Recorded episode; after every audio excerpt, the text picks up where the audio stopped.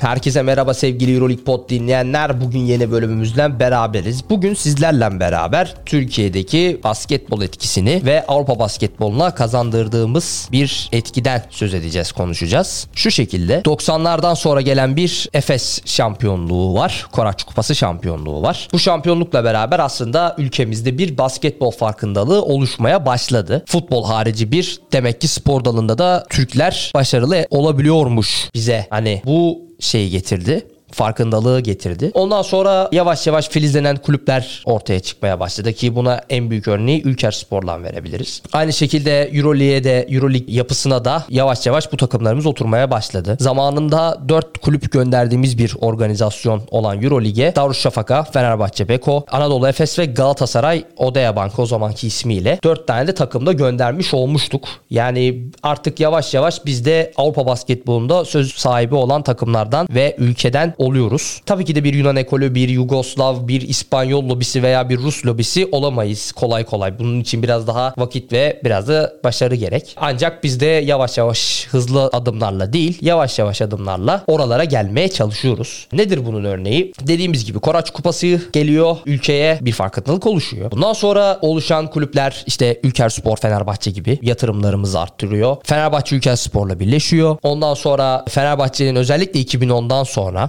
ülkeye Yasikevicius'u getirdikten sonra büyük bir farkındalık oluşuyor. Çünkü o zamanlarda Yasikevicius'u getirmek büyük bir başarı diyebilirdik. Pianigiani ile gelen Fenerbahçe'de Pianigiani, Simone Pianigiani ile gelen bir bir ekol başlıyor Fenerbahçe'de. Ondan sonra büyük transferler geliyor. İşte Lines, Lines Kleiza gibi. Bunun örnekleri daha çok tabii ki de verilebilir. Bu McCallum gibi. Yani Fenerbahçe'ye üst düzey transferler gelmeye başlıyor. Özellikle Sayın Başkan Aziz Yıldırım zamanında büyük büyük e, yatırımlar yapılmıştı bu alana. Ondan sonra Obradovic'den gelen artık farklı bir ekol diyebiliriz buna. Fenerbahçe kendine bir durum oluşturdu ve Avrupa'da söz sahibi olan takımlardan biri oldu. İşte CSK ile oynadığı maçlar çok özellikle ateşli geçiyor. Real Madrid de aynı şekilde. Yani artık bu kulüplerle biz yarışabilir hale geldik. Şu şekildeki dediğimiz gibi az önceki örnek CSK ile oynanan Fenerbahçe maçları Avrupa'da derbi olarak görülüyor. Yani bu seviyelere artık geldik. Bu seviyelere artık ulaştık. Aynı şekilde Anadolu grubunun Efes'e yapmış olduğu katkılar yatsınamaz. Büyük yatırımlar yaptılar. Son zamanlarda Shane Larkin, Misic gibi basketbolcuları bu takımımıza kazandırdılar. Bir geçen seneki gelen bir Euroleague şampiyonluğu da var ayrı sıra. Yani bu seviyelerde artık bizim de söz hakkımız oluyor. Tabii ki de bir ekol oluşturabilmek adına basketbolcularımız da, basketbolcularımız da, Türk basketbolcularımızı da öne çıkarmamız gerekiyor. Bunlarla tabii ki de yetinmiyor. Ama biraz Türkiye işin kolayına kaçtı diyebiliriz Türk kulüpleri. İşte yapmış olduğu transferlerle beraber ülkelerice bir söz hakkı elde ettik. Yani bu asla kenara atılmayacak bir gerçek. Tabii ki de dediğimiz gibi mesela Yunan basketbolculardan Mis Spanulis veya Sofos veya Borusis yani bu şekilde basketbolcularımız maalesef yok. Yani adını çıkartabilecek veya bu adam bu şekilde oynayabiliyor diyeceğimiz 2010'lardan kalan bir Kerem Tunçeri zamanı diyebilirim ben size. 2010'da kazanmış olduğumuz bir dünya ikinciliği vardı. O top seviyemiz olmuştur ülke basketbol adına. Son maçta finalde Amerika'ya kaybetti bu takım. Yani son saniyelerde Sırpları eledik. Yani büyük bir gayret ve özveriyle aslında neler yapabileceğimizi göstermiş olduk. Ülke basketbolu adına bunu konuşuyorum. Tabii ki de kulüp basketbolu için konuşacak olursak da Fenerbahçe Beko ve Anadolu Efes'in son zamanlarda yapmış olduğu atılımlar ve başarılar var. Fenerbahçe yani üst üste 5 kere Final Four'a kalarak büyük bir aslında bize örnek oldu diyebiliriz. Aynı şekilde Anadolu Efes'te şu anda şu son 3 yıldır başarılarını sürdürmeye devam ediyor. Yani inşallah bu şekilde takım sayılarımızın da ben artmış olacağını ümit ediyorum. Önceden bir doğuş sponsorluğuyla Darüşşafaka'nın bir etkisi olmaya çalıştı. Kendine yer etmeye çalıştı. Euroleague'de başaramadı bunu. Aynı şekilde şu anda Galatasaray'da da Burak Elmas döneminde Sayın Başkan Burak Elmas yönetiminde güzel bir basketbol takımı ortaya çıktı diyebiliriz. Onlar da FIBA Şampiyonlar Ligi'nde aynı şekilde Beşiktaş'ta FIBA Şampiyonlar Ligi'nde orada bir şeyleri kazıyorlar, bir şeyleri deniyorlar. Bu gerçekten gayet iyi bir şey. Tofaş ve Bursa Spor'un da şu an Euro Cup'ta mücadele ettiğini söylememiz lazım. Buralarda da mücadele ediyoruz. Buralarda da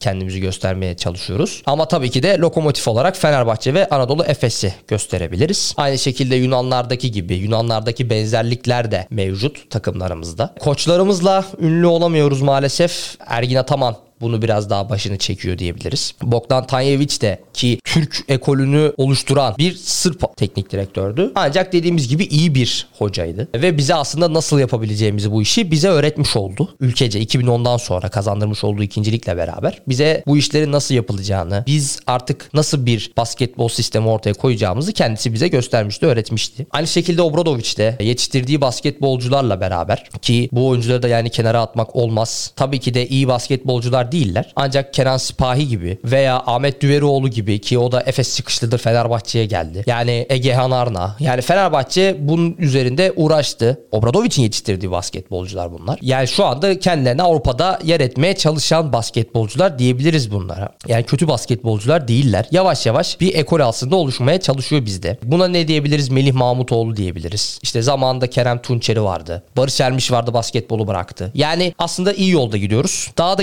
gelişebiliriz. Yani kötü bir durumda değiliz. Sadece üstüne koymamız gereken bazı belli noktalar var. Bir Yunan ekolü, bir Sırp ekolü olabilmemiz adına veya bir Litvanya ekolü olabilmemiz adına daha tabii ki de gideceğimiz daha çok yolumuz var. Ancak bunlar bizim için kötü örnekler değil, iyi örnekler ki özellikle şu anda basketbol olarak seviyede, yüksek seviyelerde oynayan, NBA'de oynayan Alperen Şengün, Cedi Osman, Furkan Korkmaz gibi basketbolcularımız da var. Şu anda Ömer Faruk Yurtseven de aynı şekilde NAC'de forma giyiyor. Ve aslında basketbolcularımız da eğer ki Avrupa'da kalmış olsalardı bir Yunan ekolü gibi mesela örneğini verecek olursak Diamantidis, Spanulis yani bu adamlar isteseler NBA'de neler neler yapamazlardı ama onlar ülke basketbolunu geliştirebilmek adına Avrupa'da kalmayı tercih ettiler. Tabii ki de bu tercih meselesi. Ancak dediğimiz gibi bu basketbolcularımız Türkiye'ye dönerse ve veya Avrupa basketboluna dönerlerse diyelim. Tabii ki de gelişebiliriz. Daha da hızlı gelişebiliriz. Dediğimiz gibi oyuncularımızı aslında Avrupa'da oynatırsak eğer daha büyük başarılara sahip olabileceğimizi ben düşünüyorum. Ve bu bölümlük